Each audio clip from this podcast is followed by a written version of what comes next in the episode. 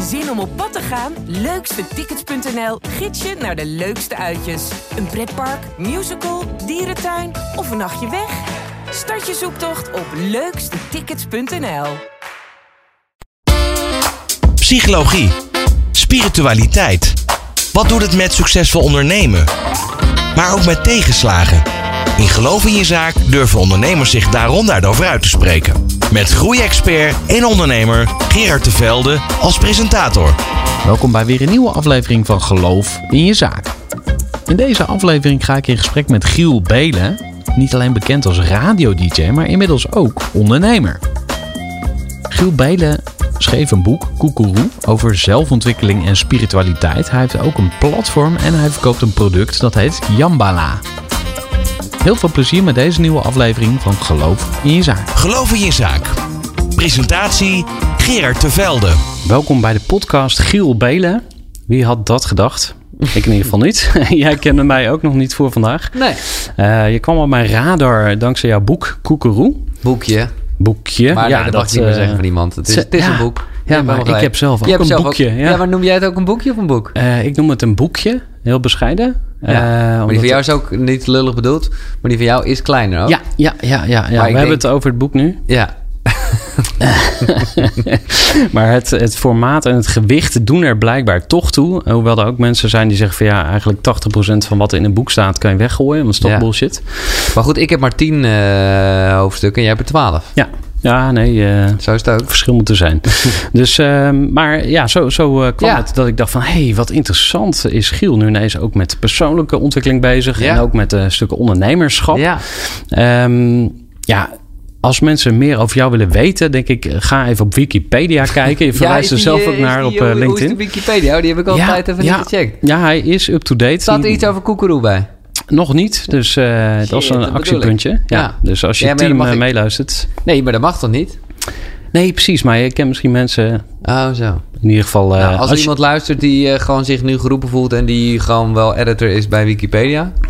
Ja, precies. voeg even koekeroe toe aan mijn Wikipedia. Pak, uh, pak de handschoenen op. Um, nou ja, je bent een radioman. Dat is één manier om jou Ja. uh, te typeren. Maar ik wil eigenlijk eerst even wat, nog een stukje teruggaan in jouw um, verleden. Oké, ja. Want uh, wat zeggen je ouders eigenlijk over je? wat voor jongetje, jochie, Ja. opgroeiende jongen was uh, Giel? Nou, wel anders. Maar vooral in vergelijking met mijn broer en mijn zus. Dus dat was zowel op de lagere school als de middelbare school... waar ik alle twee als derde kwam... was het wel echt tot twee keer toe dat ze dachten... oh, dat is een belen. Die kennen we.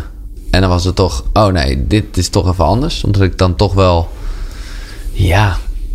ik zou het positief willen zeggen... wat nieuwsgieriger was. Of in ieder geval... ja, ja gewoon anders was. En hoe zag dat eruit? Nou ja, gewoon. Nou ja, om een voorbeeld te zeggen. Ik weet niet of dat nou de beste vorm van nieuwsgierigheid is. Maar mijn broer is acht jaar ouder. Mijn zus vier jaar ouder. En ik rookte als eerste. Ook omdat ik dacht dat het goed was voor mijn stem. En ik wilde al heel vroeg bij de radio. Dus dat zat er wel achter. Nou, je hebt een trui aan, er staat op wilde haren. Wat noemen ze een een wilde streek. een Wat heb je dan podcast. geleverd? Ehm, Voordat je op de radio kwam. ja, ja, zo. Nou, ik heb wel echt kattenkwaad uitgehaald. In de zin van... Nou ja, maar dat, is, ja, dat doen jongetjes altijd, zou ik zeggen. Maar we hebben iets eh, dat heet eh luilak. Dat is een concept wat ze in deze regio wel kennen... waarbij je eens per jaar heel vroeg mensen wakker belt, belletje trekt. Maar dat ging op een gegeven moment wel echt ver. Dat was wel gewoon eh, banden leeg laten lopen en weet ik wat allemaal meer. Ja, we hadden gewoon echt een soort gang, een soort club. En ja, daar gingen we avonturen mee beleven. Ja. Schrik van Haarlem en de omstreken. Nou, ja, nou, ik heb een keer... Oké, dit is een mooi verhaal. Dat schiet me nu te binnen omdat ik even zag van, eh, dacht van waar zaten we te spelen. Ineens moet ik denken aan een konijn. Dit is wel echt slecht, maar het was goed bedoeld. Maar er was op een gegeven moment een konijn in een eh, nou ja, kinderboerderijachtige setting. En ik had zelf als jongetje besloten dat, die, eh, dat, die konijn, dat het een veel te kleine ruimte was. Dus ik heb dat konijn mee naar huis gesmokkeld. Die heeft eerst een nacht, nou ja, nog veel triester, ongeveer in een vissenkom in de schuur eh, ge- gezeten. En daarna is hij echt tot twee, drie weken lang op mijn kamer geweest. En ging ik gewoon zelf als jongetje... Nou, ik was hier echt een jongetje. Ik denk echt 12, 13. eh, ging ik dan zelf bij de supermarkt op de hoek... eh, hoe zeg je dat? Groente halen. Wat over was. En dat ging dus heel lang goed. En op een of andere manier was het ook zo dat konijntje wist wel, als ik binnenkwam, dan bleef hij. En als iemand anders binnenkwam, dan ging hij echt zo achter een terrasje. Ik had, mijn hele kamer was zo hok. Maar ja, ik was er op een gegeven moment zo trots op dat ik toch mijn zus ging vertellen. Nou ja, die ging natuurlijk, ja, eh, vond ik echt een streek. Die ging linea recta naar mijn ouders. Uiteindelijk heb ik echt, eh, nou ja, mijn excuses moeten maken en zijn we dat konijn terug gaan brengen. Ja. Ja, dus eh, Joep van het Hek die heeft iets met, Ja. met konijnen. Maar Ja. ja. je bent een goede tweede. Ja, Ehm, en, wa- en wat heb je nou van je ouders ge- geleerd? wat is ik is echt er één heb les? geleerd. Ja, dus de, de, de allerbelangrijkste les is wel echt eerlijk zijn. Want luilak, nou, dat is een. eh, daar, ik weet nog letterlijk dat er een keer luilak was. Waarbij ik met mijn ouders, of met name met mijn moeder, had afgesproken. Of die vroeg hoe laat ga je eh, vertrekken? En ik had gezegd vijf uur of zo. Maar in werkelijkheid had ik met mijn hele gang eh, om drie uur afgesproken. Zodat we lekker veel ongein konden uithalen. Dus om drie uur sneakte ik uit de ruimte. Of uit, uit het huis. En ik zie het nog zo. Mijn moeder doet die eh, ramen, doet het raam open. Echt een rood aangelopen hoofd. Hé, hey, wat doe je nou? En ik dacht alleen maar, ah shit, ja, ja, oké, ik moet gewoon terug. Ik had al bijna met mijn vrienden die er stonden zoiets van, oké. Ik zei, ja, ja, hadden we afgesproken. Ja, had dat dan gezegd? Ik zeg, ja, ja, want anders wist ik niet of ik mocht. En, eh, en het mooie was, daarom is het voor mij ook echt een les die gewoon zo eh, is bijgebleven. Dat zij toen zei, nou ja, oké, hobbelen maar. Dus ik mocht toch dat doen. En dat vond ik, was voor mij heel veel waard. Maar ik voelde natuurlijk ook wel een beetje zo... dat schuldgevoel, was ik maar gewoon eerlijk geweest. Nou ja, dat is wel de les eh, die ik later haar, nog vaak met haar heb gehad. Maar tot gro- haar grote ergernis af en toe... was ik dan gewoon oh, altijd eerlijk. Dus was het ook s'avonds... ja, je moet één uur thuis zijn. Ik, nee, ik ben niet één uur thuis. Ja, je moet... Ja, maar ja, ik weet je, dan ging ik al gewoon... ik dacht, ja, ik ga niet meer liegen. En ik weet dat ik niet om één uur thuis ga zijn... want dit en dat dus en zo. Dus die eerlijkheid, dat is er wel echt ingeramd. Vanuit mijn moeder zeker. En vanuit mijn vader vooral. Maar om eerlijk te zijn weet ik niet of dat nou zo'n goede les is. Die heeft dat ook nooit zo benoemd. Maar wat ik eruit gehaald heb is vooral hard werken. Dat is goed voor je. Maar ja, Ja, dat eh, is misschien een mooi bruggetje naar jouw eh, radiocarrière. Mhm. Want inmiddels kan je toch wel van een carrière spreken. Misschien eh, al zelfs een klein beetje terugblikken. Hoewel je nog Nou, nou, steeds nou, full swing bent. ja, maar als je dan, nou, laten we zeggen, terugkijkt op de eerste helft. ja. Hoe, ja, hoe zou je dat kunnen samenvatten? Want dat, dat grensoverschrijdende, dat zit er natuurlijk in. Dat, Ja. dat weet iedereen ook veel. Ja. Nou ja, maar kijk, jij zegt het eh, en ik snap het. Want dat is precies wat er gebeurt als je de excessen aan elkaar knopt. Dat is met, precies. Met Maar- een stigma krijg je dan. Of, Ja, terwijl dat zou betekenen alsof ik altijd de grens aan het opzoeken was. En dat is niet waar. Ik maak alleen radio zonder grenzen tot de dag van vandaag. En, maar dat is heel wat anders dan de hele tijd geforceerd die grenzen willen opzoeken. En alleen maar, weet je, de term shockjock. Ja, ik bedoel, ik snap hem. Ik vind het ook om een soort geuzennaam. en Ik vind het allemaal niet zo erg. Maar ja, Dat is eigenlijk verkeerd begrepen of zo. nou, voor degene die niet luisteren wel, ja. Ja. Kijk, mijn luisteraars, luisteraars die, die, die weten altijd precies hoe het zit. Want die luisteren namelijk. Maar op het moment dat je alleen maar wat excessen in krantenberichtjes ziet... Ja, dan ga je daar, dat zou ik zelf ook doen, hè. Dat, zo werkt het gewoon. Dan trek je daar een lijn tussen en dan is dat ineens... Ja, dan ben je die persoon geworden. Terwijl, ja, wat ik zeg, het is wel een groot verschil... of je de hele tijd de grens opzoekt... of dat je radio zonder grenzen maakt. Ja. Je was in ieder geval heel, heel gedreven en hardwerkend. Want eh, Ja. om zeg maar aan die top te komen voor Radioland, Ja. dat is niet makkelijk. Nee, ja... hmm. Hoe kijk jij daar eh, naar?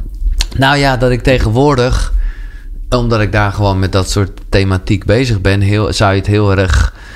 Hè, de wet van de aantrekkingskracht, affirmeren, eh, zo zou je het nu allemaal noemen. Ja, ik weet het gewoon, als jongetje ging ik fantaseren. Dat was letterlijk wat ik elke avond deed. Dacht ik, oh ja, ik ga naar bed, ik ga fantaseren. Fantaseren over hoe ik ooit echt bij de radio ging werken. Hoe ooit Jeroen van Inkel eh, mij zei... Hey Giel, kan je even die band scherp stellen? Dat was gewoon een soort beeld wat ik dan leuk vond om te denken. Dan ging ik elke keer daar meer over nadenken. Ehm, en dan... Ja, dan blijkt dus, en dat, dat, dat- ja, dat is gewoon ook zo, dat op het moment dat je alles in het werk stelt, en ik hoef echt niet per se disjockey te worden, hoor, dat is nooit echt mijn wens geweest. Ik wilde gewoon bij de radio.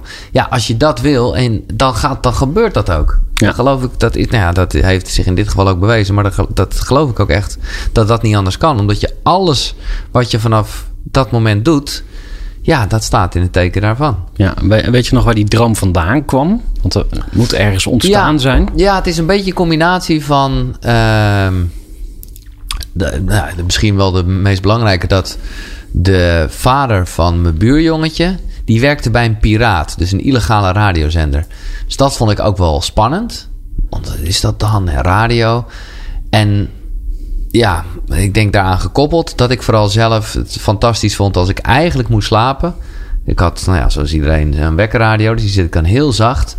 En dan kon ik echt uren aan die knop blijven draaien. Met name op het moment dat ze dan aan het praten waren. Vaak begreep ik het niet of zo, maar ik vond het wel.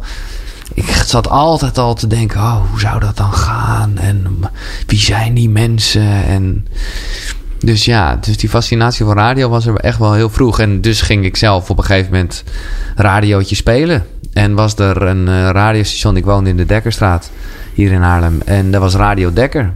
En dat bestond helemaal niet, maar in mijn hoofd wel. En daar ging ik urenlang ging ik daar radio maken. Ja. Ja, dan, ja. En vaak, vaak s'nachts ook. Is, is er een reden waarom je zo vaak in de nacht op de radio bent? Eh, eh, toen ik echt bij de... Eh, ja, nou ja, dat is waar je begint natuurlijk sowieso. Ah, Oké, dus dat is onderaan de ladder bij wijze van spreken. Ja. hè? Dus Zeker. alsnog moet het je maar lukken om op die ladder te springen. Ja, ja, ja, exact. Dus onderschat het niet. Ehm, en wat heel veel mensen denk ik niet van jou weten... is dat je ook een van de eerste podcastmakers van Nederland was. Ja, dat klopt. Nou, dat vind ik leuk dat je dat zegt. Dat klopt, ja. Nou ja, ja. Even een, een, een, een lange neus naar alle 10.000 eh, podcastmakers in Nederland. Dat, is dan, dat zijn Ja. mijn woorden, want zo sta jij er denk ik niet in. Nee. En met Nee. een knipoog, vertel eens, hoe... hoe eh, Nou ja, je hebt er dus niks aan. Het dat? is altijd gewoon, als je heel vroeg met iets bent en, en het is gewoon totaal nog niet aan de hand. Ja, dan is het inderdaad, kan je een lange neus maken. Je kan ook denken, ja, je was gewoon te vroeg. En dat was het wel een beetje. Dus podcast was net een beetje, het was al wel aan de hand hoor. Ik bedoel, ik weet dat, eh, ja, ik denk dat de man met microfoon er bijvoorbeeld al wel net was. Eh, ik vond het machtig mooi. En ik had wel zoiets van, nou, daar moet ik iets mee. Eh, en toen heb ik eh, ja, een programma gemaakt, een gidsprogramma eigenlijk. Alles uit de radiokast heette het. Ik heb er nog een European Podcast Award mee gewonnen. hey, wat vet. Ja, joh. En, maar het was gewoon, op een gegeven moment was het wel op. Omdat gewoon had ik alle, in ieder geval alle Nederlandse podcasts wel behandeld. Want dat was gewoon een soort gidsprogramma. Dus dan had ik iemand aan de lijn die kon dan even over zijn podcast vertellen. En ik deed dat. Eh, een uurtje van mijn nachtprogramma had ik daaraan opge offerd. Ja. Ja. Dus, dus dan wist ik ook, en ik vond het ook vreselijk, want dan wist ik, oh ja, ik mag nu niet goede nacht zeggen, want ja, het is een podcast. Dus Mhm. eh, ja, het is onduidelijk wanneer mensen dit gaan luisteren. En dat was dan gewoon even, nou ja, ik denk drie kwartier of een klein uurtje. Ja, wat ik zeg, een gidsprogramma van, eh, van wat er was op podcastgebied. En voornamelijk Nederlands, maar, en ook wel buitenlands, maar ja, het was Ja, gewoon nog zo klein allemaal. Eigenlijk een podcast over podcasten Ja. dus. Want eh, ken jij Pierre Papa? Toen, Ja, ja, ja, daar heb ik wat coaching van gehad Ah, om beter te worden. Ik, ik had ook een, een, een podcast award gewonnen van BNR. En eh, zo kwam ik op het idee van... Hey, dus eigenlijk wel een leuke aanmoedigingsprijs. Laat ik eens gaan investeren in, mijn, eh, in mijn skills. Ja. Nou, dat was ook hard nodig. Ja, heeft hij, heeft hij veel gegeven? Ja, Pierre is een topgast hoor. Ik heb ook nog bij Talpa, want daar werkt hij ook een beetje voor. Heb ik ook nog wel coaching van hem gehad. Ja, ik hou ervan. Ja. Hey, en je had het net eh, al even over persoonlijke groei. Over eh, de wet van de aantrekkingskracht. Weet je nog wanneer je in de ban geraakt bent van dit eh, vakgebied? Oh, zo. Nee, maar ja, oké. Ja, dat weet ik heel goed. Kijk, ik vond een paar jaar geleden, dat is nu, nou, ik denk vier, vijf jaar geleden alweer. Of vier jaar in ieder geval zeker. vond ik de radio niet meer zo leuk. En nou ja, met het verhaal wat ik jou net schets, is dat dus nogal wat. Want als je van kinds af aan één soort eindfocus hebt... en eigenlijk ja, bij vrienden en zo ook denkt... ja, oh, ja echt eh, naar voor je dat je niet weet wat je wilt studeren, weet je wel. Ik had het allemaal niet. Radio, dat was mijn leven. Dus het was zeer overzichtelijk. Alles stond in het teken daarvan. De rest was bijzaak en knallen maar. Echt top. Alleen op het moment dat je dan, zowel als gebruiker, want ik merkte gewoon dat ik zelf minder radio ging luisteren, waar ik vroeger, eh, nou ja, nog steeds als, als jongetje zeg maar die knop zat te draaien, deed ik dat nu nog steeds, maar dan in de auto, zap, naar de volgende die aan het praten was. Maar ik vond het allemaal niet meer zo interessant als luisteraar. En als maker vond ik ook heel erg dat de verkeerde keuzes werden gemaakt eh, qua ja, wat voor soort radio er gemaakt werd. Nou ja, lang van kort, ik was gewoon ontevreden. En uit ontevredenheid eh, kunnen hele mooie dingen komen. In eerste instantie niet. Want ik wist gewoon niet wat ik daarmee moest. En als ik het aan iemand vroeg, dan was het... Ja, dat heb je toch allemaal wel eens. Kan eh, gebeuren. kan groei je wel overheen. Exact. Op elkaar. Nou, ik eh, kon dat niet. Het enige wat ik eh, ging doen is waar ik voorheen alleen met mijn vrienden blode, ging ik dat nu ook in mijn eentje doen. Ja, ik snap het. Want dat was wel inderdaad een beetje dat verdoven, letterlijk natuurlijk. Maar niet echt een oplossing. Maar daar liep ik eigenlijk op dat gebied helemaal vast. En toen zag ik mezelf... Ik vond met name YouTube en video wel leuk. En toen eh, zat ik zelf een videootje te editen... De, wat ik bij Jet Rebel thuis had eh, opgenomen. Eh, echt wat tof, een soort dokentje. En daar zag ik mezelf toch wel echt wel een buikje hebben. En nou, daarvan wist ik wel wat ik moest doen. Namelijk gewoon op mijn voeding letten en eens een keer gaan bewegen, trainen. Want dat had ik echt nog nooit gedaan. En toen ben ik dat gaan doen en ik was echt, ik kon niks, weet je. Ik kreeg echt nog een stang zonder, zonder gewicht al niet omhoog. Maar de volgende keer, ik had een, gewoon een goede trainer gelijk. Eh, Een van de beste van Nederland. Ja. Volgens iemand die het kan weten, Arie Boomsma. Dus, Oké, eh, ja, ja, ja. Hij zei het in, in, in het gesprek wat jullie hadden. Ja. Nee, ja, ik, ik had gewoon op YouTube inged... Ik, kijk, ik, ik probeer het nu zo relaxed mogelijk te zeggen. Maar Played ik, it down. inderdaad. Maar ik ging gewoon... Ook hoe krijg je een sixpack? Dat was overigens nadat ik al een paar keer gefaild was hoor. Dus het was niet gelijk zo. Maar, maar goed, anyway. Ik voelde gewoon heel erg ineens... Wauw, alles waar je niet goed in bent... Als je dat gewoon maar vaak genoeg doet... Dan word je er beter in. Oftewel, alles kan je trainen. En dat... Ja, dat... Dan, toen, daar werd ik helemaal... Nou ja, ik zit nog steeds in diezelfde trip. Daar word ik gewoon heel leergierig van. En dus ging ik googlen, kan je ook je hersenen trainen? Nou, dat kan. Dus ik wekenlang naar het hersencentrum eh, in Alkmaar gegaan. Elektronen op mijn hoofd, hersenen trainen, neurofeedback.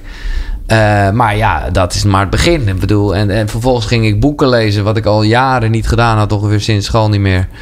En was dat heel erg... Oké, wat kan je allemaal trainen? Je positiviteit kan je trainen. Je, focus kan je trainen. Je dankbaarheid kan je trainen. Je, nou ja...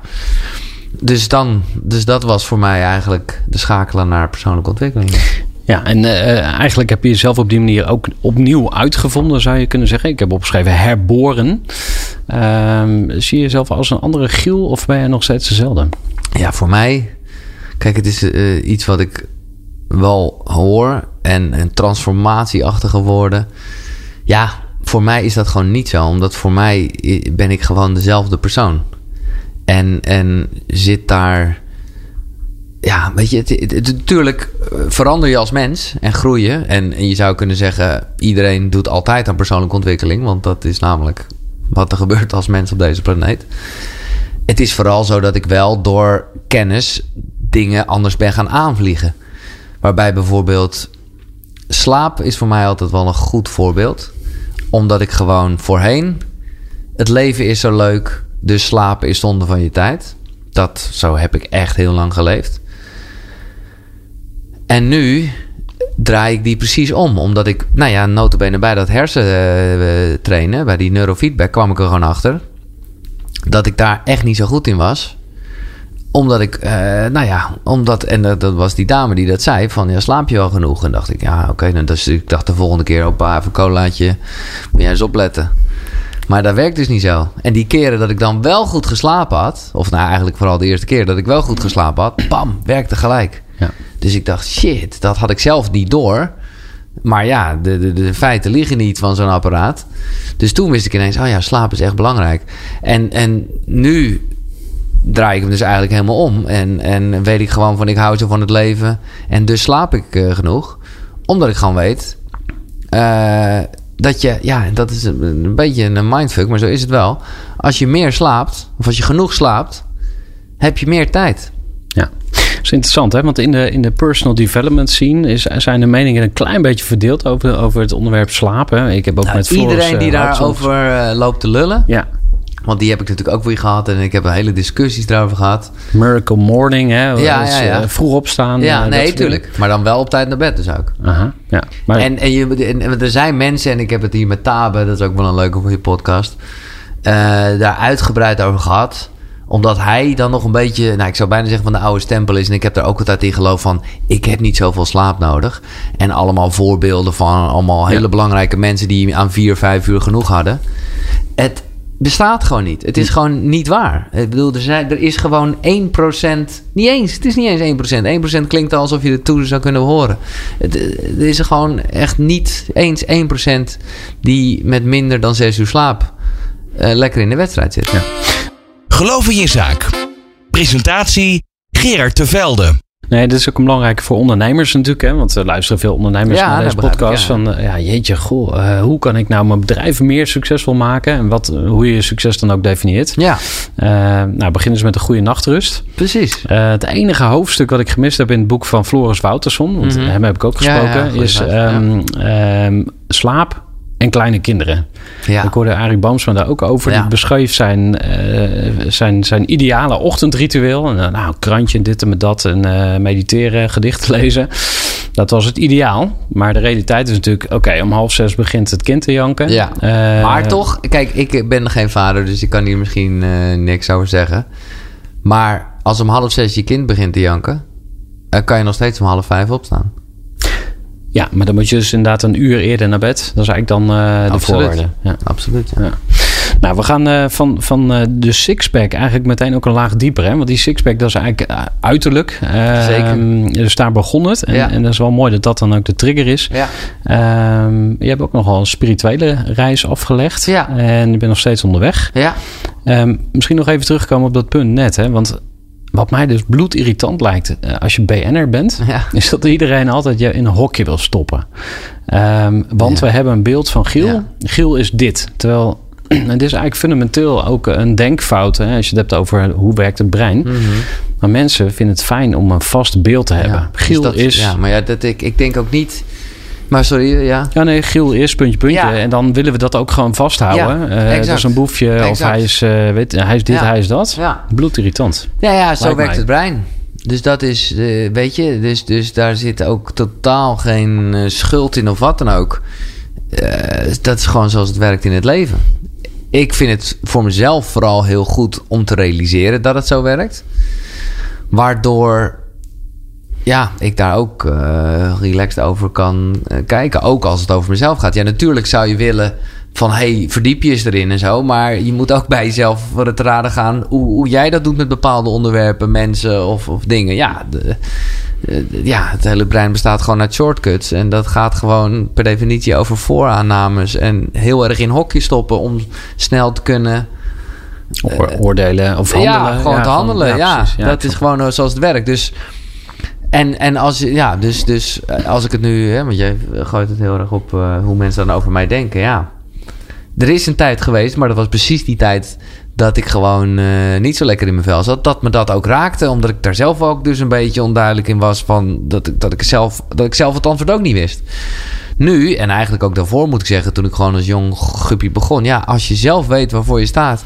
Ja, wat de fuck maakt het dan uit wat iemand anders daarvan vindt? Dat is, ja, dat, dat, ja, de- eigenlijk maakt het niks uit. Ja, en misschien, maar goed, dan hou ik daar denk ik verder ook Ja. over om. Maar dat is ook wel iets, iets Hollands, zeg maar. Ik merk bij mezelf, eh, nota bene, dat je altijd, eh, ook bij hele succesvolle mensen, ik noem maar even Pieter Zwart van Coolblue, of beter voorbeeld, Jitse Groen van Thuisbezorg. Ik weet niet of je hem kent. Nou, de- ik heb met hem salsa gedanst. Ja. En ik stond naast hem op de dansvloer. Ja. Ik dans niet met hem, maar naast hem. En eh, hij zei, ja, ik ben ondernemer. Ik zeg, ja, ik ben ook ondernemer. Ik voelde me echt ja, ondernemers onder elkaar. Pas later ontdekte ik dat hij Dat hij nu een miljarden-imperium heeft. Ja, ja, ja. En toch, voor mij, dan heb, voel ik bij mezelf toch die, die, die zwarte neiging.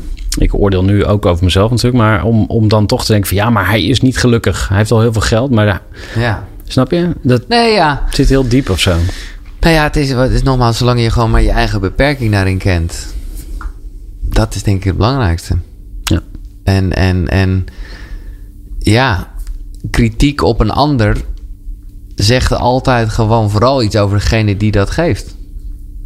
Dat is natuurlijk wel zoals het is. Maar dat is makkelijker gezegd dan gedaan hoor. Nu lijk ik net de wise guy bij wie het helemaal niks uitmaakt. Dat is niet waar. Maar ik weet wel van... Nou, eh, ik, kijk om een voorbeeld te geven. Ik vond het super eng om Koekeroe ook te lanceren. Want ik had ik had dit een beetje eigenlijk geleerd van dat hele sixpack verhaal. Dat was ik als een soort stok achter de deur. En nou ja, wat ik al eerder zei, mijn liefde voor video, die een beetje ontstaan was, was ik gaan etaleren. En daarin merkte ik ineens, hey, dit is nice. Want juist, kijk, je kan het namelijk ook als een kracht gebruiken wat jij net zegt. Want juist omdat mensen het totaal niet bij mij verwachten, had het veel meer waarde. Want ja, met alle respect voor Arie Boomsma, als die een sixpack krijgt, ja, die gast is al heilig en we weten dat hij goed lichaam heeft. Dus ja, de finishing touch, het is een soort ver van je bedshow. Als die cola drinkende, sigaret rokende Giel Belen het voor elkaar krijgt om een sixpack te krijgen, ja, dat is juist. Contrast. Ja. Eh, dat is, ja, dus je kan het ook naar je hand zetten. En dat was bij, maar goed, je zei terecht, en zo ervaar ik dat ook, is wel heel erg uiterlijk. En nou ja, in mijn eigen reis kwam daar dus die persoonlijke ontwikkeling bij. Dus ik voelde ook van nature van, oh, ja, ik wil er ook gesprekken over voeren. En, en nou ja, daar kan dus een soortgelijke verrassing in zitten, zeg maar. Maar ik vond het wel eng, omdat ik toen, nou, aan het begin van die Koekeroe-serie nog helemaal niet zo lekker in mijn vel zat. En eh, nou, ja, dus die heb ik ook echt gewacht met het, eh, met het eruit zetten ervan. Totdat uh, ongeveer de, de gasten zelf een beetje begonnen van Wim Hof of eigenlijk zijn zoon met... hey, eh, ga je het nog posten? Of we zien het niet. Dude, ja, precies. En ik dacht, ja, ja, ik weet het, ik weet het. Ja. Hey, want eh, misschien even stilstaan bij Koekeroe, hè? Ja. de naam. Je hebt het al een aantal keer verteld. Maar voor, Ja. voor de mensen die het nog niet eh, kennen. En, en Ja. eh, wat de fuck is Koekeroe? Nee, ik ben blij dat je het vraagt, want ik hoor mezelf nu weer lullen. En daarom vind ik het altijd eh, ook wel lastig om over dit soort dingen te praten. Want als ik mezelf voor lullen, dan klink ik, vind ik, toch een beetje te veel zo'n wise guy. Omdat ik, maar goed. eh, en, en als je dan ook nog half eh koekeroe hoort, dan zou je kunnen denken: oh ja, die gast die denkt nu dat hij een goeroe is. Nou, dat dus juist niet. Eh, maar ik kwam er gewoon wel achter in de hoeveelheid boeken die ik verslond. Wat ik heerlijk vond, maar ik dacht ook wel vaak een aantal dingen. Namelijk, oh ja, moet ik echt nou tien lessen dingen en dan ben je succesvol? Want dan ben je gelukkig? Sowieso. Ik wil me niet succesvol en gelukkig worden. Het gaat me gewoon om, dat is ook een soort tagline geworden van Koekeroe. Niet zozeer om beter te worden, of niet zozeer om je beter te voelen, maar om beter te worden in voelen. Dat is waar ik mee bezig ben. En ik voelde gewoon wel, ja, eigenlijk altijd wel, maar zeker hoe meer ik las, ik dacht, ja, maar wacht eens even. In principe is ieder mens wel al goed genoeg. Dus persoonlijke ontwikkeling moet niet zijn van, oh, het gaat echt niet goed met me. Ik ga nu dit boek lezen en dat gaat mij in een verder stadium brengen. Nee, dat boek gaat me iets laten zien wat sowieso wel in me zit. Ofwel, die goeroe, die zit in ons allemaal. We zijn allemaal onze eigen goeroe. Daar zat ik, en dat vond ik gewoon heel belangrijk, dat als ik daar een serie over ging maken, dat dat wel de boodschap was. Van je bent al goed genoeg, het zit in je. Nou ja, zo ging ik gewoon een beetje met eh, woorden spelen en, en kwam ik op je inner goeroe en nou ja, toen werd het koekeroe. Ja, maar dat is een eh, fantasiewoord? Of eh, Ja. bestaat het echt? Nou, het bestaat dus wel in verschillende talen. Het betekent in een aantal talen betekent het kort, krachtig. Het lijkt echt, ik zweer het je, alsof het elke week op Google Translate een ander woord is. Dat ik echt denk, het is nu al drie, vier keer veranderd. Ja, nee, maar echt. En het betekent ook keuken in bepaalde talen ben ik achtergekomen. Nou ja, dus... eh, daar, daar wordt ook van alles gebrouwen. ja, dus dat is zo is het. Ja, Het past altijd. Ja, want eh, de URL-test wil ik dan even op je loslaten. Heb je goeroegiel.nl al geclaimd? Nee, maar dat die hoef ik dus zeker niet te claimen. Nee, maar dat was de test. Ja. Dus daar, Ja, ja, ja. Je, het, je, eh, je, bent, je zit erin zeg maar, om, om, eh, om eigenlijk je eigen zoektocht te delen. Ontdekkingstocht. Ontdekkingstocht. Klein... eh, Vindtocht. Nee, nee, nee, nee, nee. Je vindt het niet. Je vindt eigenlijk geen antwoorden. Of, Het is er al. Mhm. En een zoektocht of een vindtocht, dat zou doen vermoeden alsof er iets nu niet is. ja. Terwijl het is allemaal een beetje gemierenneuk, maar ik vind het. Nee, maar eh, dus transformational vocabulary. Hè? We- Het- Tony kijk, Robbins heeft het er ook over. Een ontdekkingstocht betekent gewoon. Daar is, en wat ik er ook lekker aan vind, zeg ik eerlijk, is dat er dus ook geen einde aan zit. Ja. Ik bedoel, we weten allemaal dat het heel leuk is om zoveel mogelijk plekken van de wereld te zien. We weten ook allemaal dat het never nooit niet gaat lukken. Maar hey, whatever. Hoe meer je ziet, hoe beter. En zo niet, dan niet. En dat is, eh, nou ja, daarom vind ik een ontdekkingstocht voelt fijner. Ja. Ja, interessant punt. Eh, Die, die kun je eigenlijk ook wel toepassen op ondernemen, denk ik. Hè? Want ik heb zelf altijd het, het eh, idee in mijn hoofd gehad ook van... er is een soort eindpunt. Dus je, Hmm. je bouwt je bedrijf Ja, en dan op een gegeven moment dan verkoop je het... en dan is het gelukt of zo. hè? ja, Maar dat is ja. net alsof heel je... vanuit Ja, dus dat is echt de finite mindset, zoals eh, Simon Sinek dat noemt. Ja. Maar Ken ik ook, hè, voor de duidelijkheid. Ik was, ik had altijd, of nou niet, kijk, ik had dus als eerste doel, ik wil bij de radio. Nou, om eerlijk te zijn was dat al vrij snel eh, gelukt, want ik kon iets bij de lokale omroep doen en vanuit daar groeide ik een beetje door. Toen wilde ik wel heel graag disjockey zijn. En dan ook het liefst. Nou ja, eh, zeker toen was het wel heel erg 3FM. En toen, en dat, daar hield het een beetje op. Toen wilde ik heel graag een ochtendshow. Dus dan zat ik daar eh, echt nog steeds over. Nou, ik noemde het nog steeds fantaseren. Ehm, en toen ik dat eenmaal had, dacht ik wel: shit, Wat nu? wat nu? Maar toen was ik gelijk al wel rustig, moet ik eerlijk zeggen. Omdat ik ook merkte, ja, maar het is niet dat ik nu klaar ben als in dat ik die ideale ochtendshow heb afgeleverd. Want het is nooit een tien. Eh, nu heb ik gewoon, dat vind ik soms jammer, maar ook weer niet. Niet zulke concrete doelen meer. Maar is het gewoon wat algemener. En dat is wel lekkerder, want ja, dat zit hem natuurlijk ook. Nou, dat is niet zozeer. eh, jij noemde net, hoe heet die? Simon Sinek, oh, DDY guy. Ja, ja. Maar je hebt ook nog eh, nou, iets met flight. Nou ja, dat gaat, in ieder geval is de vergelijking heel erg zoals piloten in een vliegtuig zitten. Eh, die weten dus echt wel ergens de eindbestemming. Maar dat is vooral gewoon een richting voor de koers. ja. En ik denk dat dat eh, gewoon veel fijner is dan daadwerkelijk alleen maar voor die eindbestemming gaan. Want dan heb je toch een probleem. Ja.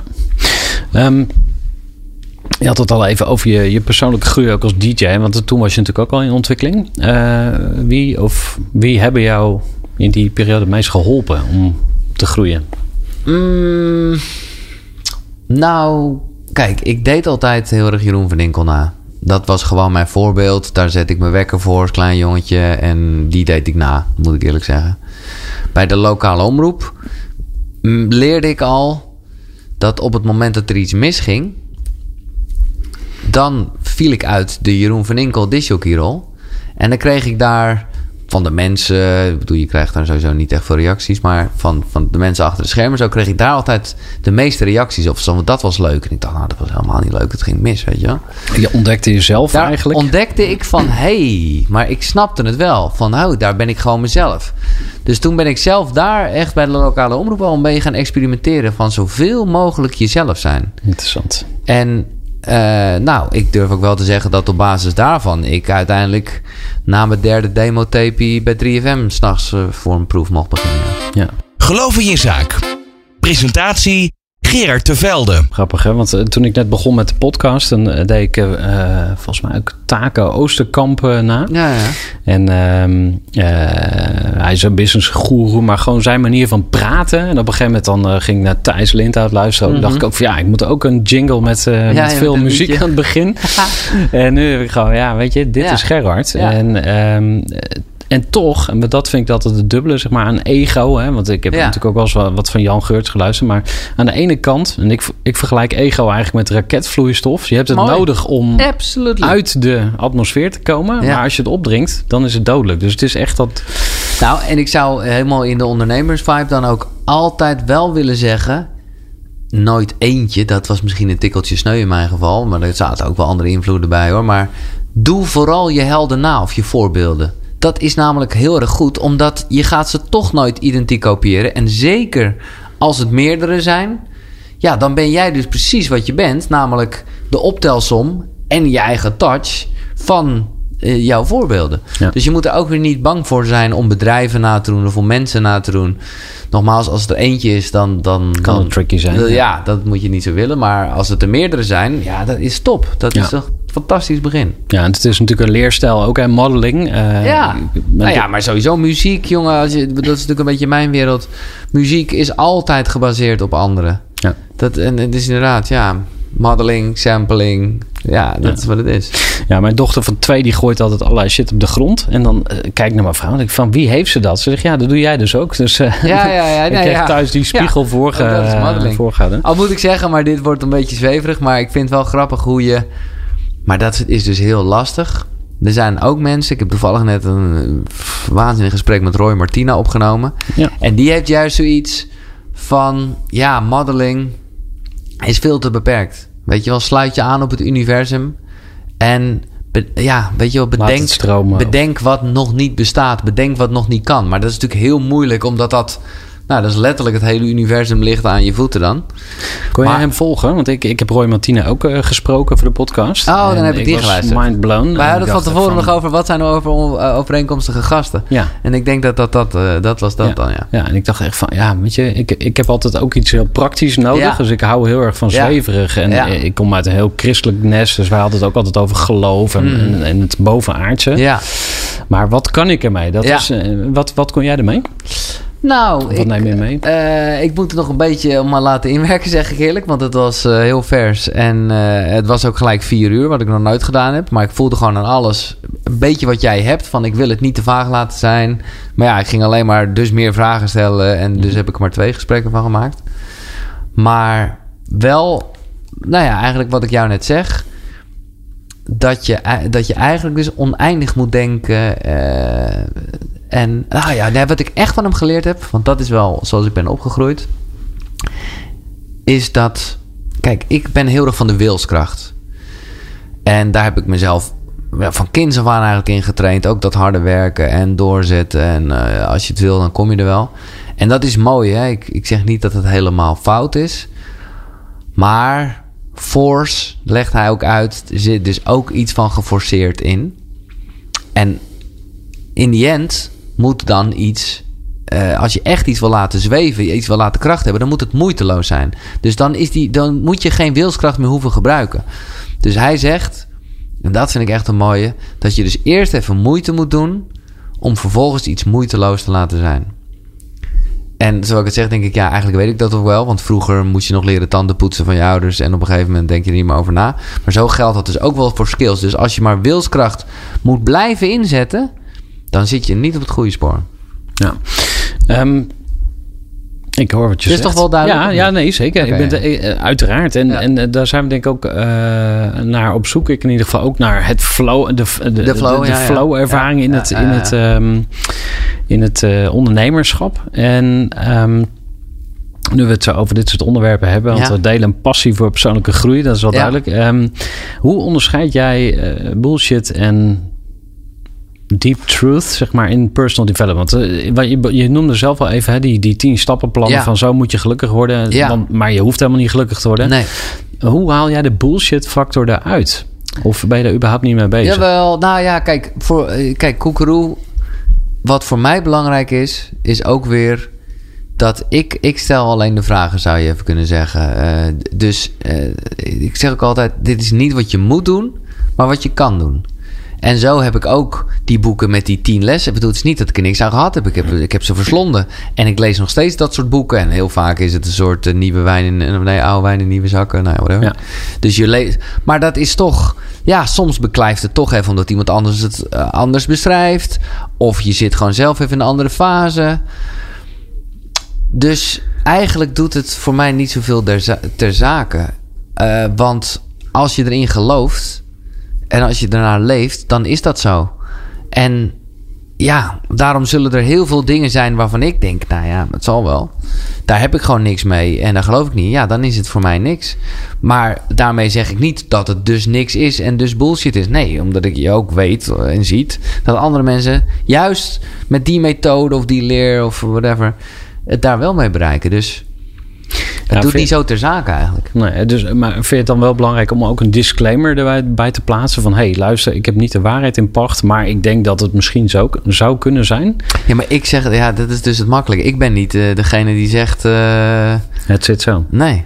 Nee, omdat eh, ik zag dat je ook een event gaat organiseren. Ja, hè, dus en ja. daar komen ook allerlei sprekers Ja. en gasten... die komen op het podium. Ja, En ik denk dat het heel goed kan werken om eh, je verhaal gewoon te vertellen. En hetgene waar je in gelooft, zonder Ja. disclaimer. Dus je zegt gewoon, dit is wat ik geloof. ja, En eh, wat, de neiging die ik nog wel eens heb, is om dan daarop te gaan afdingen. Ja. En jij misschien ook, maar ik weet niet. Ik, ik kan me voorstellen dat je zegt van ja, ik weet ook niet alles, maar. Of eh, ik ben een hele goede radio-DJ, maar. Dus je gaat jezelf een zo. soort van downplayen. ja.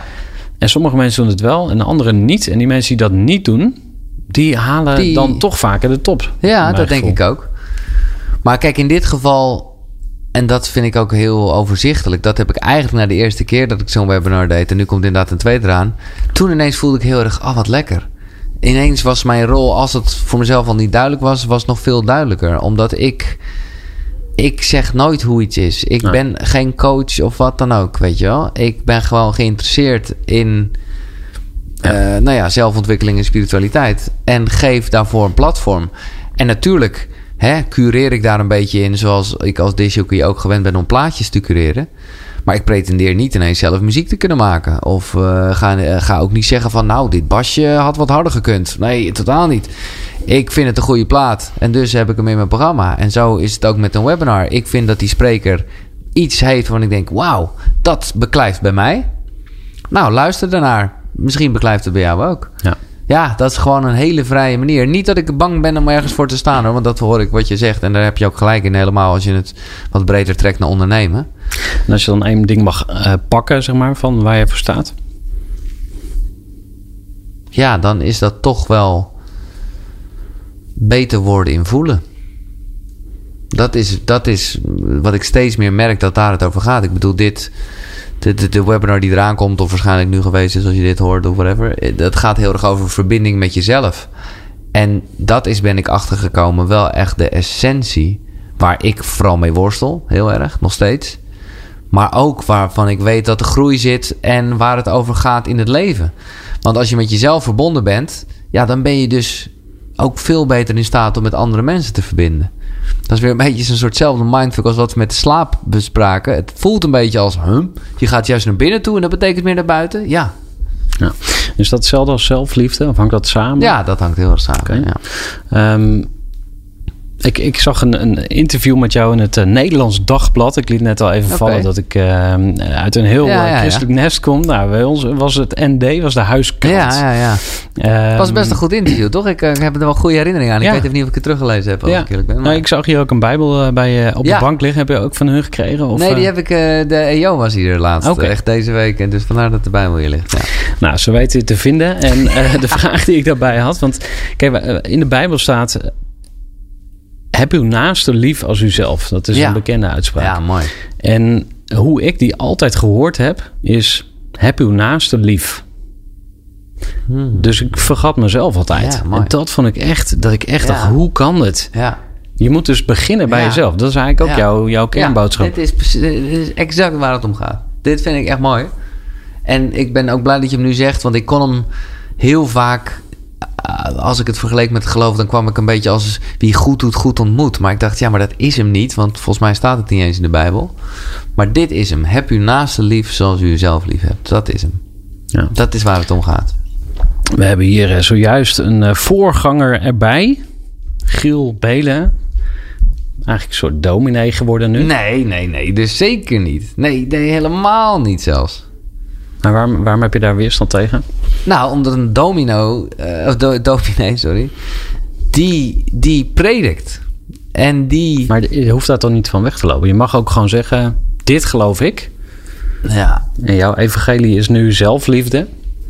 ja, Ik vind het wel eh, krachtig eigenlijk. ja, Het kan een good force zijn. dat is het sowieso. Maar, nou ja, sowieso, als ik heel eerlijk ben, heb ik gewoon een soort weerstand tegen, eh, nou ja, tegen de kerk en de Bijbel. Om, en, en, en de basis is dus goed, want dat is precies waar we het net over hebben gehad.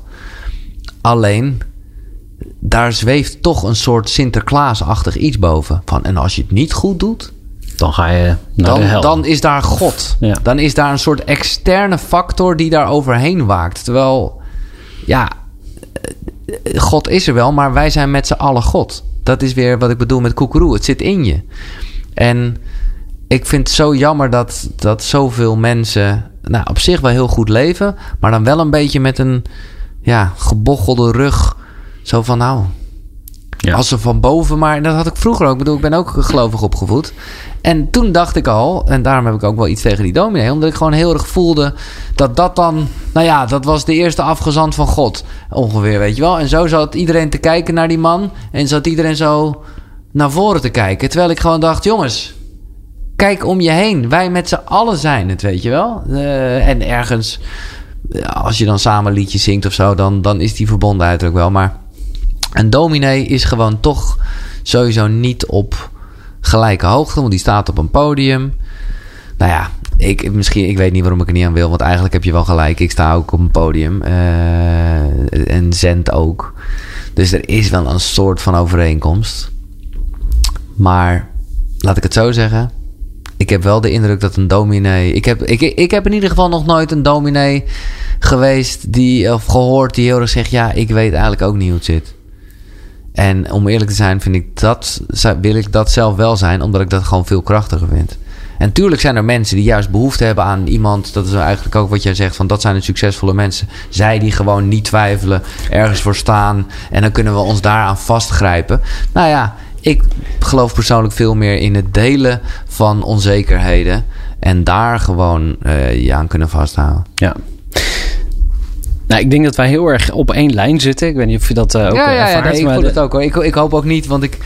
Ik, het is maar, totaal niet de bedoeling om hier uh, juist uh, jou of wiens geloof ook dan te bekritiseren. Helemaal niet. Uh, sterker nog, ik denk ook weer dat het een hele fijne houvast is en vooral de goede richting. Ja. Maar, ja, maar precies wat er onder jouw foto stond als quote, hè, ook bij het Nederlands Dagblad. God is, wij zijn allemaal God, dat is precies wat ik geloof. Ja, oké. Okay. Ja, dus een soort evolutie op waar ik mee opgevoed ben. Ja. Um, en wat ik ook herken is zeg maar de behoefte van mensen. Of wat ik denk dat er is, is behoefte van mensen aan richting. Dus ze zitten allemaal in die zaal. Ze denken, ja, wij weten ook niet hoe we nee. moeten. Wat is een goed leven? En dan komen ja. dat soort grote filosofische vragen. Rutger Bregman heeft er een boek over volgeschreven. Ja. Staat nog steeds uh, in de bestsellerlijsten. Ja, fantastisch. Waarom? Mensen willen, willen gewoon ja. antwoorden. Ja. Um, en daarom vind ik het mooi dat je je uitspreekt en zegt van oké, okay, maar dit geloof ik. Ja. En ja, wat jij gelooft mag jij weten. Maar als jij denkt dat dit een goed geloof is, uh, kom ja. aan boord. Ja. Nee, maar goed, precies. Kijk, als jij Rutger Bregman dan weer erbij haalt, wat ik een, uh, een mooi boek vind, dan. Ja, maar goed, het wordt allemaal een beetje zweverig. Dat wil je allemaal niet. Maar, Kom maar hoor. nee, maar dan komt het gewoon heel erg in dat, uh, dat alle mensen deugen. Ja, precies. Alles is liefde. We zijn allemaal één. En als je daar gewoon in gelooft, ja, dan hoef je ook verder niks meer te bewijzen. Dan, dan is dat gewoon het vertrouwen. Nou ja, dat is geloof natuurlijk. Maar dat is ook, ja, dat, uh, dat is het. Ja, misschien dan toch uh, om daar even op door te gaan. Uh, geloof je dat er meer is tussen hemel en aarde in dat opzicht? Um, ja, ik weet even niet waar de hemel is. Hmm. maar ja, natuurlijk is er veel meer dan wat wij kunnen waarnemen. Ja, dat is, dat is, dat is niet eens een geloof, dat is gewoon een feit. Hmm. Ja, ik vraag het ook, want ik, ik weet natuurlijk dat jij ook uh, naasten verloren bent. Ja. Uh, toen, ja. Jij, toen jij net op de Ja. radio ging, in 1997, toen is mijn moeder overleden Oké, aan kanker. En eh, binnen negen maanden was ze weg. Bam. Een gezin met zeven kinderen. ja. Ehm, en zij heette Riet. En ik heb mijn dochter, die is twee jaar nu, die heb ik Fine Riet genoemd. Dus ik vernoemde naar mijn moeder. Hmm. En toen zat ik met, met, mijn, met mijn kindje, met mijn babytje op de arm. En eh, op dat moment beelde ik mezelf in dat ik mijn opa was, dus haar vader. Ja, en ik dacht ja. van, oh wow, wat vet. Het leven gaat gewoon door. Dus de ziel van mijn moeder, die is nog ergens. En die zit nu in mijn dochter. En straks zit zij met haar kleindochter op de arm. En die heet misschien wel weer Gerard. Ik noem maar wat. Ja, maar ja. En, en ik heb een spirituele ervaring gehad eh, tij- tijdens eh, onze bruiloft. eh, toen we met z'n allen als gezelschap... en mijn vaste luisteraars weten dit, kennen dit verhaal al. Maar ehm, ja, toen kwam ook ineens een, een ronde regenboog... die je bijna nooit ziet. Die Nee. kwam ineens aan de hemel. En toen kwam mijn broer aanrennen met tranen in zijn ogen. En zei, kijk, daar is mama. ja. Ja, dat was dus misschien... ja. Ja, en dan maakt het me eigenlijk ook niet zoveel meer uit... als Nee. mensen zeggen van... Nee, dat gast, maakt dus wat gelul. Ik merk Ehm, wel dat ik dat zelf... Maar dat, dat zeg ik eerlijk, dat ga ik ook gewoon een beetje uit de weg. Mijn vader en mijn zus leven niet meer. En ik heb dat echt wel, nou ja, hoe zeg je dat? Verwerkt. En ik heb daar heel van geleerd, zou je kunnen zeggen. Maar ik merk ook dat ja, weet je wel, eh, zij die daar heel erg baat bij hebben om op zoek te gaan naar dit soort tekens, of soms zelfs verder, mensen die daarmee kunnen communiceren of wat dan ook. Ik heb, ja, ik heb daar zelf nooit echt de behoefte aan gehad, maar misschien ook een soort angst.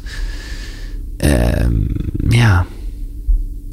Ik weet nog wel dat ik ooit voor de radio iets ging doen met Char, weet je wel, dat medium. En die ging toen een beetje zo prikken met... oh, eh, ik krijg iets door van je vader, dit en dat. En ik ging daar gewoon een beetje in mee hoor. Maar ik dacht wel Wat een teringstreek. Omdat gewoon alles wat je dan zegt heeft natuurlijk een soort waarde. Want oh, oh, oh, weet je wel. Dat zou er... En dat vind ik gewoon, ja... Dat, eh, kijk, zoals jij, eh, wat jij vertelt, dat is precies wat je zegt. Maakt niet uit. Die regenboog was voor jou een link. Op die dag met diegene erbij. Fantastisch. Perfect. Maar om het gewoon echt zo op te zoeken. Of, of daar, ja, ik heb daar zelf. Ja. Niet zoveel. mee. Nee. Geloof in je zaak. Presentatie Gerard Tervelde. Ik moet zeggen, ik ga het ook graag uit de weg. Ja, nee, dat is het dus ook. een Laten we snel verder gaan. Nee, dat ja. wou ik niet zeggen, maar, Nee, wel, nee. eh, zeg maar, uh, wij hebben dan uh, op 4 november, hè, dat is Ja. ons uh, moment. Uh, dat zijn van die data die, die laten je nooit meer los. Nee, Um, nee. En dan, uh, dan zijn we met z'n allen bij elkaar. Ik trek het zo slecht. Ja? Dan begin ik zo snel al, dan voel ik de tranen. Of ik, ik ga wel eens naar begrafenissen. Maar waarom, ik, ik, ik, ik wil hier echt even op zoomen. Ja. Want waarom zeg jij, ik trek het zo slecht? Want alles wat je vertelt nu Ja. klinkt mij als fantastisch, liefdevol, warm in de oren. Ja. Want jullie zijn met z'n allen, jij mist haar, er is een verdriet. Ja. ja, het is toch machtig mooi? Ja, Ik bedoel, dan is diegene er toch nog? ja. Uh, ja. Ik, ja, toch doet het zoveel pijn, zeg maar. Het is... Ja. Het is um... Maar, dat, is- want, maar omdat, omdat je dan echt de behoefte voelt om dat terug te draaien. Was het maar niet zo. Is dat dan echt een soort gedachte?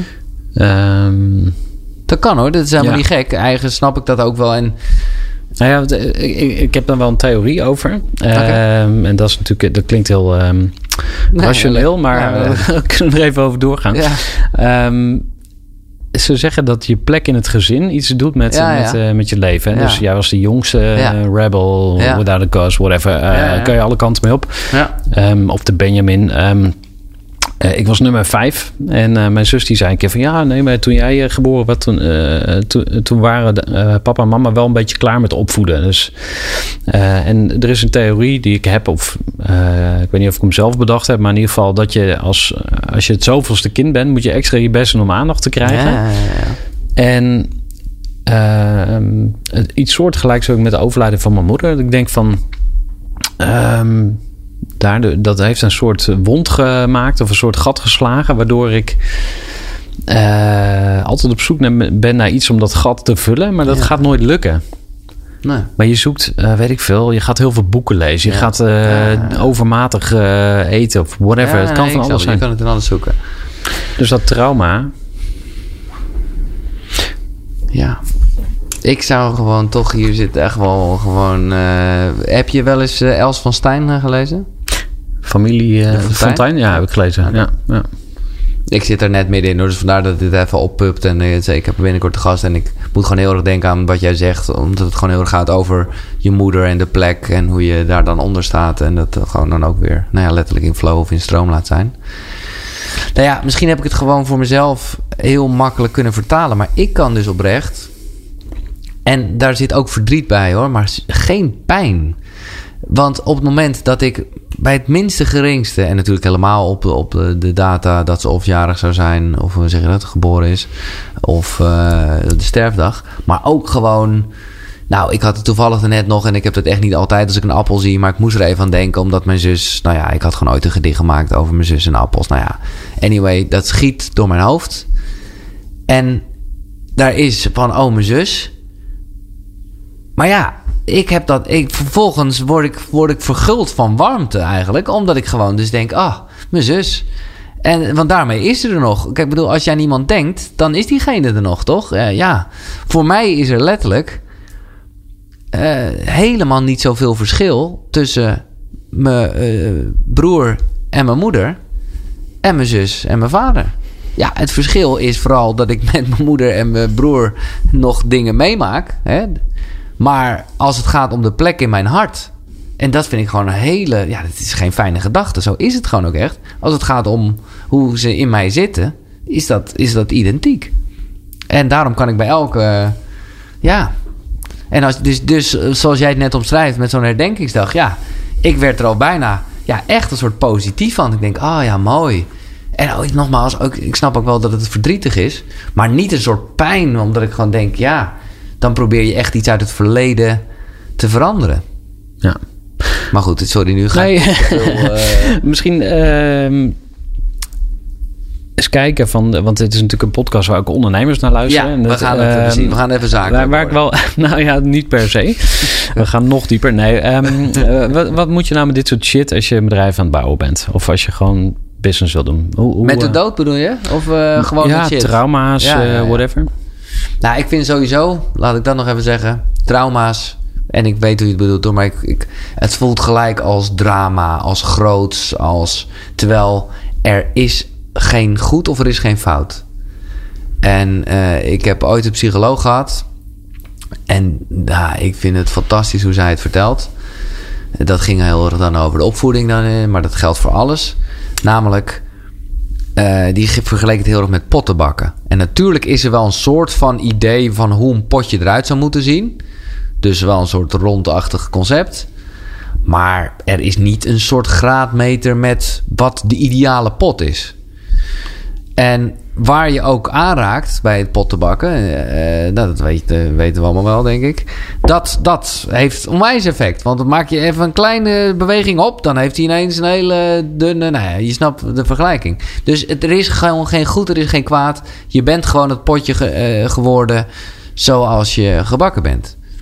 En nou ja, dat, eh, nou ja, dat zou ik zeggen ook bij bedrijven. Ja, je, ja, je bent, het bedrijf is gewoon zoals het is. Het heeft ook geen zin om daar eh, aan te tornen. Maar doe, doe er, weet gewoon vooral waarvoor je staat. Of, of, of wat zakelijk gezien waarvoor het staat. En, en doe daar iets mee. En doe je niet voor als een ander potje. Als je, als je dat niet bent. Ja. Ik weet niet of het... Dank ook, eh, ja, Dank voor de les. En misschien goed is om eh, eh, nog eh, door te gaan op, op Koekeroe. Want, Ja. want eh, je, je hebt al uitgelegd wat de naam Ja, inhoudt. Je hebt uitgelegd Nou. waar je voor staat. ja. Nou, dat was eh, eh, interessant. En ja, over identificatie gesproken. Hè? Dus wat voor woorden plak je bij jezelf? Maar zie je jezelf ook als ondernemer? Ja, nou ja, dat, dat, daarom vond ik het ook gewoon triggerde mij dat je mij vroeg. Omdat ik gewoon daar voorheen echt verre van zou blijven. En was ik gewoon in het begin een mannetje van de radio en gewoon een beetje in loondienst en prima. En was koekeroe vooral iets, nou ja, en dat is het nog steeds, het delen van mijn persoonlijke ontdekkingsreis. En voelde ik daar echt, eh, had ik belemmerende gedachten, heel beperkend over of daar ook, op welke wijze dan ook, geld mee zou worden verdiend of wat. Want dat, ja, het is toch iets moois wat ik de wereld wil geven, waarmee ik eh, mensen wil inspireren. En ja, ik wil er zoveel mogelijk mee inspireren, maar ja, daar kan ik toch niet, daar kan ik toch geen geld mee verdienen. En dat heb ik echt. Nou, dan ben ik echt blij met mensen in mijn omgeving. Ik zeg eerlijk, dat was eigenlijk omdat ik drie weken lang op een camping zat. Waar ik ook veel Koekeroe afleveringen heb opgenomen. Dat was een camping, maar eigenlijk stiekem een festival. Maar eh, nou ja, eh, wat IDT organiseerde. Vol met nou ja, mensen die bezig zijn met zelfontwikkeling, ademhaling, tantra, eh, spirituele dingen. En daarin heb ik echt toffe gesprekken gehad met allemaal mensen. Ook een beetje. En dan kwam dit toch wel als een soort thema naar boven. En ik voelde aan alles dat zij. Ja, ja, ik zou nu willen zeggen schaamteloos. Maar dat, zou, ja, dat is bijna een verkeerde term. Want dat zou toch weer betekenen dat ze ergens voor moeten schamen. En daarin eh, voelde ik heel erg. Ja, maar als ik wil. Als ik zoveel mogelijk eh, me- mensen wil inspireren. Dan moet ik gewoon zoveel mogelijk geld verdienen. Want ik heb dat er. De, hoezo eh, beperk ik mezelf daarin? Want ik ga toch niet met een sigaar op een tropisch eiland ervan zitten? Dat is totaal niet de, eh, de ambitie of de intentie. En nou, dat heeft me wel echt vrijgemaakt. Eh, Ik ben echt een groentje daarin. Maar dat vind ik dus wel heel leuk. Ik zeg erbij is ook omdat ik zakelijk gezien keuzes had gemaakt, heel erg met mijn hart. Die, die eh, zakelijk gezien niet zo slim waren. Ja, heb je daar een voorbeeld van? Nou ja, ik heb mijn baan opgezegd. Een fucking goede, goed betaalde ochtendshow. Eh, die, die heb ik opgezegd. Omdat ik gewoon dacht, ja, dit is niet meer de persoon die ik wil zijn. Ik, eh, ik bedoel, inmiddels had ik de lol in radio echt wel weer teruggevonden voor de duidelijkheid.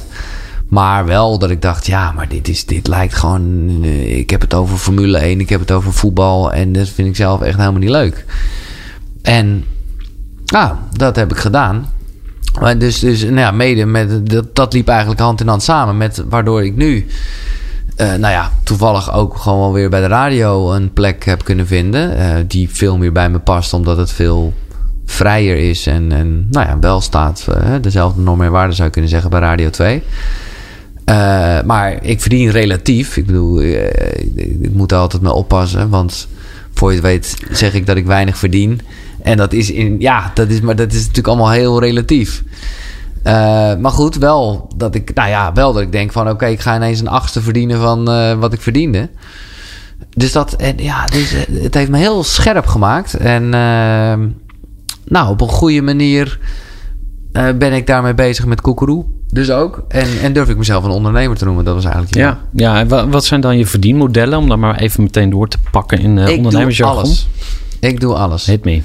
Er zit reclame in mijn podcast. Dus mensen die eh, willen adverteren. Nou, en dan ben ik dan wel weer zo'n moraalgast dat ik denk, ja, het moet wel goed zijn Ja, voor de dat wereld. hoorde ik. Het was allemaal duurzaam en groen. Ja, Vertel. Dat wel. Nou, dat vind ik dan wel, ja, dat vind ik dan wel belangrijk. En dat kan ook. En dat, ook dat is commercieel. Want er zijn genoeg eh, bedrijven die dat eh, ook nastreven. Dus dat, dus dat is wel, ja. Dus, dus er zit reclame in mijn podcast. Soms maak ik afspraken met een spreker in mijn podcast die een aanbieding heeft. Nou, dat is voor die spreker leuk, want die mag het extra in de etalage zetten. En daarmee maak je dan gewoon de afspraak. Als dat via jou komt, dan krijg je er ook wat voor.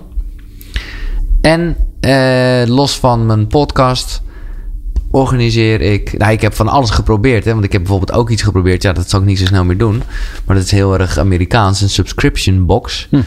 Dus dat was een kerstpakket had ik ervan gemaakt. Met ook weer allemaal groene, goede producten. En ik had die producten gratis gekregen. En mensen, ja, die kregen dan heel veel korting. eh, Hè, want het was een ter waarde van. eh, maar je betaalde veel minder. Maar dat vond ik gewoon niet echt bij mezelf passen. Daarnaast, ja, ik zat, ben het ook gewoon zelf allemaal aan het doen met stagiaires en zo. En, en ik dacht gewoon van ja, ben ik nou echt gewoon een kerstpakkettenbedrijf geworden? Nou, ik ben blij ik het gedaan. Je moet gewoon leren en proberen en ook weten wat je niet bent. Maar eh, wat ik vooral wel ben, is, is nou ja, wat ik al eerder zei, eh, een podium geven aan mensen waarvan ik denk dat ze andere mensen kunnen inspireren. Dat doe ik in mijn podcast, maar dat doe ik dus ook eens in de zoveel tijd. Of althans, de tweede keer komt eraan. De eerste keer was heel succesvol. Met een webinar waar mensen gratis eh, dat hele webinar kunnen volgen live. Maar als ze terug willen kijken, ja, dan moeten ze ervoor betalen. Ja. Nou, dat is, weet ik zelf ook als klant, zal ik maar zeggen. Want ik heb v- veel van dat soort programma's ook zelf gekocht in mijn hele zelfontwikkelingsreis. ja, dat wil je dan ook. Investeren in jezelf. En eh, nou, dus dat is eh, mijn verdienmodel. Ja. Hey, en eh, zijn er nog eh, dingen waar je echt aan moet werken? Als het Oh, gaat om heel je, je, je skills als Nou, ik zeg het nu en ik, ik bedoel, ik heb het nog nooit zo hardop uitgesproken. En ik, het lijkt net alsof ik er geen enkele grens over voor moet stappen. Nou, om eerlijk te zijn wel. Maar ik... nou, ik, het voelt gewoon toch een beetje, ik denk, jezus... eh, ja, nou ja, eigenlijk de beperking zit nog echt wel ergens in de verte. Omdat ik nog steeds denk, ja, maar koekeroe is wel vooral... En dat, dat, dat hou ik ooit wel vast, maar daar ben ik dan toch een beetje angstig voor. Dat het dat ik niet ineens eh, de koekeroe-content achter een betaalmuur zou gaan zetten of dat soort dingen, weet je wel. Dat zou, eh, ja, dat zou ik echt vreselijk vinden. Ja. Eh, dus eh, ergens, nou ja, ik heb het woord net laten vallen. Ik mag dan nog wel wat schaamtelozer zijn. Ja, ja ik, ben, ik ben natuurlijk zelf ondernemer sinds 2008. En eh, sinds 2019 help ik andere ondernemers groeien met Ja. groeivoer. En ja, wat, heb- is jouw, wat is jouw eerste, als je dit allemaal zo hoort, waar denk jij van na? Ja, nou, een hele heel praktisch tipje. eh, wat mij heel erg helpt altijd, is om eh, gratis en betaald heel erg te scheiden. Dus gewoon te zeggen, joh, ik heb gewoon. Ik help altijd twee ondernemers eh, Ja. die het eigenlijk niet kunnen betalen. Die Ja. geef ik het gewoon gratis. Ja. En de rest betaalt gewoon het volle pond. Ja. Ehm, een andere oplossing die ook voor mij belangrijk en goed is, is iemand zoeken die veel zakelijker is dan ik. Ik heb laatst weer een talententest gedaan. Nou, eh, ze zeggen dat je wordt met bepaalde skills Ja. eh, op Ja, ja, aarde ja, gedumpt, ja, zeg maar, bij wijze van spreken. Ja. Ehm, voor mij, ik kan heel goed verkopen, maar ik ben niet zo zakelijk. Nee. Dus ik vind iedereen aardig. Hier, alsjeblieft, neem, neem jij het maar gratis. Ja. Dus dat is iets waar, ehm, Ja, ja, goed punt. waar ik coaching krijg, maar waar ik ook mensen zoek die dat beter kunnen. Ja. Ja. Ja. En dat is misschien eigenlijk wel een hoofdles hoor voor, voor elke ondernemer. Van, ja, kom zo snel mogelijk achter waar je echt eh, goed in bent. Waar je goed in en bent, ja. ja. dit zijn ook weer open deuren. Nee, maar dit Maar, is een hele ja. goeie. Ja. Ehm, wat ik wel grappig vind, nog even een, eh, een sprongetje terugmaakte in jouw verhaal. Jij bent echt iemand die graag mensen op een podium zet. Eh, ik ga in eh, januari ga ik een event doen voor 850 ondernemers bij AFAS in Leusden. Oké, ja. En dat is precies wat ik daar ook wil doen. Dus ik wil niet Gerard de goeroe op het Nee, podium nee, zijn. Maar ik wil daar gewoon met tafeltjes, een soort nachtclubsetting. Ja, andere ja, ja. mensen ook. En ook inderdaad anderen het podium geven. Ehm, ik heb al wel besloten dat ik een, een dagvoorzitter ga inhuren. Ja. Die mij wel aankondigt. Ja, Want ik ben dan zo'n lul die ook nog de hele dag aan Nee, elkaar nee, gaat nee, praten. nee, maar dat hoeft dan ook weer nee, niet. maar dat is wel echt goed hoor. Ja, Dat is, ja. dus je bent bij deze eh, uitgenodigd. Oké, Ehm, Nou, je bent er bij thuis bij, moet ik zeggen. Ja, dat dacht ik ook. Mooie tijd. Ja, nee, eh, dat is een leuke spin-off van de podcast ook. En dan kom je natuurlijk eh, ook ja, leuke mensen Ja. tegen. En die gasten van AVAS, die, die zijn echt ja, eh, commercieel ook heel succesvol. Ja, Dus dat, eh, dat helpt. leuk. Ehm, ja, we hebben eigenlijk best wel veel be- beha- behandeld over ondernemerschap. Ehm, nou, eigenlijk hebben we het vooral over spiritualiteit en over Ja, zelfontwikkeling gehad. Kijk, Ik kunnen nog even over zakelijke zin. Ik moet, Ja. ik moet heel even plassen. ja, ga je gang. Natuurlijk. Even een paar pull-ups eh, tussendoor natuurlijk. Toch? Paar? Een paar pull-ups. Ja, precies. ik ik sport, eh, eh, sport nu met een personal trainer één keer per week. Maar waar doe je Dus dat dan? dat, Want eh, even voor de mensen die luisteren, we zitten nog in een tijd dat de sportscholen niet open zijn. Ja, ze hebben dus een eh, soort van eh, Buitenachtig steegje achter waar, Ah, ja, waar het allemaal gebeurt. Dus, Hm, eh, ja, ik mis het echt, man. Ja, nou dit is dus, want ik heb die groeiclub voor ondernemers, dat is Ja. mijn businessclub. En ehm, eh, het grappige is dat je daar zelf ook wat uithaalt. Dat heb jij natuurlijk ook, dat je allerlei Ja. mensen spreekt. En eh, één, één ding wat ik er zelf uitgehaald heb, is dat iemand van de groeiclub zei van, gast, ga nou gewoon. Eh, over personal training ging dat. Want ik zei, ja, het is toch wel duur hè, 60 euro per uur. En zij zegt, gast, ga nou gewoon. Dus ik zei, oké, oké. Dus ik heb me zeg maar door haar aan laten trappen. Ja, nee, investeren in jezelf in dit soort dingen, absoluut. Ja. Dat geloof ik sowieso. En wat ik nog even dacht. Maar volgens mij zat het ook in de Roy Martina podcast. Dus zit dat gewoon dus een beetje top of mind. Eh, maar, dat, ja, maar dat zei jij eigenlijk net al in het voorbeeld. Is gewoon heel erg delete, delete, delete. Delete alles waarvan je denkt dat het ook iemand anders kan doen. Maar ik zeg dit vooral heel hard tegen mezelf hoor. Want dat, daar ben ik helemaal niet van. Kijk, op een gegeven moment heb ik dus besloten. En dat is voor mij echt een stap geweest. Van oké, hè, in, die, in die shift van... hé, hey, maar ik wil het juist wel laten groeien, koekeroe. Ik heb er ambities mee. En dat moet gewoon rollen en, eh, gaan vliegen. En toen heb ik dus besloten om eh, stagiaires aan te nemen. eh, die ik ook echt wel veel kan leren. Dus dat, dat, daar heb ik ook niet aan getwijfeld. Maar dat is wel nog steeds dat ik eigenlijk denk van... eh, nou, die zou ik meer kunnen laten doen. Of misschien nog een stagiaire erbij of iemand inhuren. Maar ik merk toch nog dat ik te veel dingen denk... ja, ja nee, dat doe, dat doe ik dan zelf wel of zo, weet je wel. Dus dat is, eh, daar valt voor mezelf nog een hoop in te groeien. En ik denk dat dat voor veel ondernemers geldt. Gewoon, ja, wat ik zeg. Delete gewoon. eh, Of ja, delegeer. maar ja, doe het niet zelf. Ja, nee, zeker. Hier, hier worstelen heel veel mensen mee. En vooral ook om, eh, omdat je eigenwijs bent. En dat kan natuurlijk twee kanten uitgaan. Eh, dat is een, iets heel moois. Jij hebt je Nee. eigen wijsheid. Maar Ja. je bent ook tomt eigenwijs. Ja. Waardoor je dan zelf weer... Ja, ik maak ook de goodie bag die ik ne- net aan jou Ja. gegeven heb. Die heb ik ook zelf gemaakt. Ja, dat, het liefst heb je dat dan gedelegeerd. Ja. Of dan komt er een gast langs in de podcaststudio in Utrecht. ehm, en dan eh, is er niet schoongemaakt. Ja, dan haal ik toch zelf even een Ja. doekje er dus uit. Ja, Daar kun je ja, wel ja. heel lullig over doen. Maar Ja. Nou ja, goed. Ik bedoel, ik weet niet of het een goed voorbeeld is, maar dat is precies wat. Eh, ik heb daar eh, in de verte een beetje mee mogen werken. John de Mol. Ja. De details, jongen. Die gast. is- Je denkt echt, gast, wees daar niet mee bezig. Maar ja, ergens kan je ook zeggen, ja, maar dat maakt hem wel de gast die die is. Ja, dus ik weet ook niet of het helemaal fout is dat je dan zelf het doekje erover haalt. Als je maar vooral, zou ik zeggen, vanaf een afstandje eh, wel zorgt dat de volgende keer eh, het wel gebeurd is door iemand anders. Eh, ja. Ja. Misschien even in de teletijdmachine stappen. Ja. En kijken over tien jaar ehm, terug. Hè. We stappen uit die, uit die tijdmachine. En dan kijken we van, ah, dat was de koekeroe-periode.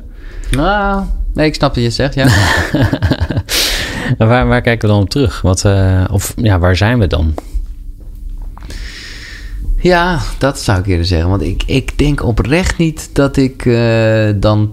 Want eh, als, je, als je het hebt over terugkijken... dan zou dat dus klaar zijn.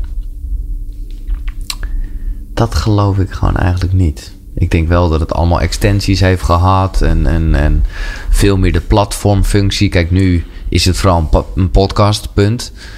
En, en daar is ook een videoregistratie van, maar er is nog geen losse videocontent. En, en, en het, hele echte platformfunctie, ja oké, er is een Facebookgroep waar mensen dingen uitwisselen. Maar kortom, er zit nog zoveel groei in. In tien jaar eh, is dat nog steeds niet uitgegroeid. Dus ik, eh, ja, zoals ik er nu in sta.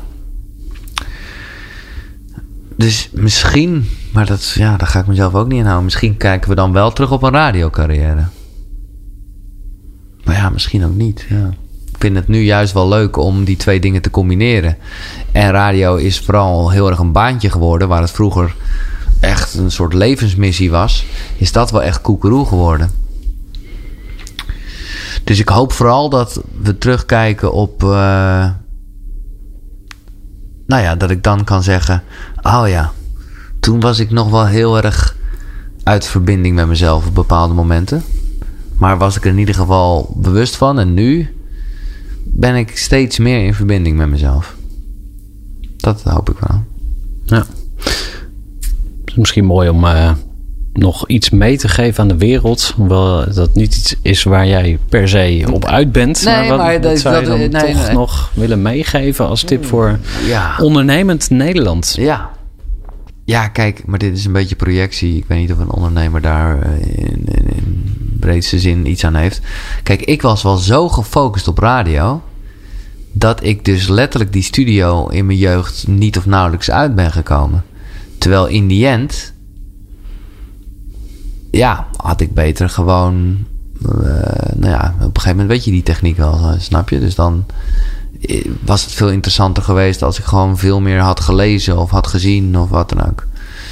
Dus ja, iets algemener is dat vooral eigenlijk gewoon leef. En ja, het is een beetje cliché, maar ik zou toch echt. eh, verras jezelf met eh, een magazine kopen.